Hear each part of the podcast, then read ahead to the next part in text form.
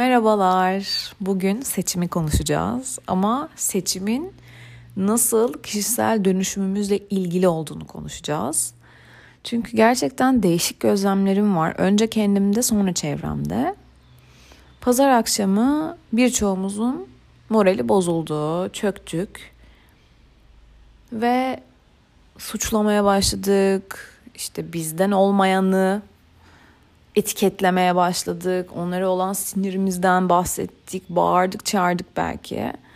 Kimimiz hiç konuşmadı, öyle bozuldu, kala kaldı. Ve böyle bir umutsuzluk çöktü hepimize. Sonra benim bir arkadaşım bana bir kendine gel. Umut bizim şu anda tek ihtiyacımız olan şey. Ortada o kadar kötü bir tablo yok dedi ve ben orada bir uyandım. Hakikaten aslında o kadar kötü olmayan ve kusursuzlukların de olabileceğini çünkü daha önce de oldu. Düşündüğümüz noktada sadece birazcık çaba göstermemiz gerektiği ve birlik olmamız gerektiğinin altı çizildi aslında bu tabloda. Ama biz insanlar olarak şunu yapmaya meyilli olduk. Düştük. Pes ettik. Ego yaptık.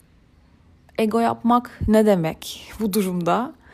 Yani sizin hayatınıza gelen bir challenge'ı düşünün. O görevi gördü bu seçim. Bizi tetikledi ve biz normalde bize gelen bir tırnak içinde hayat sınavına nasıl tepki veriyorsak o şekilde tepki verdik. Herkes kendi yaşamam lazım filtresiyle, hayatta kalmam lazım filtresiyle, ego filtresiyle cevap verdi. Yani kimi sinirlendi, tepki verdi, başkalarını suçladı. Kimi çöktü, kaçtı, moralini bozdu, pes etmeye karar verdi. Tabii şu an çok genelliyorum. Ben de ikisi de oldu. Ama sonra işte bu arkadaşımın bana mesajı, sonra bu birlik olunması gerektiğiyle ilgili konuşmalar bir anda böyle içimde bir ışık yaktı ve dedim ki tamam pes etmiyoruz ve ilerliyoruz kapsayıcı oluyoruz. Kimseyi suçlamanın kimseye faydası yok. Zaten bizim desteklediğim yani benim desteklediğim adayın birleştirici mesajı hepimizin içine işlemiş vaziyette. Ama biz bunu gerçekten ne kadar benimsemişiz, ne kadar önemsemişiz. Aslında hepsi ortaya çıktı ve hepimizde çok ilginç bir ateş yaktı bence. Ve hepimiz dört elle sarıldık. Çevremizle konuşuyoruz, sosyal medya paylaşımları yapıyoruz. Müşahit olmaya karar verdik. Kalbimizi açtık. İlk başta ego yaptık. Sonra kalbimizi açtık. Kalbimizi açmak ne demek? Kapsayıcı olmak demek.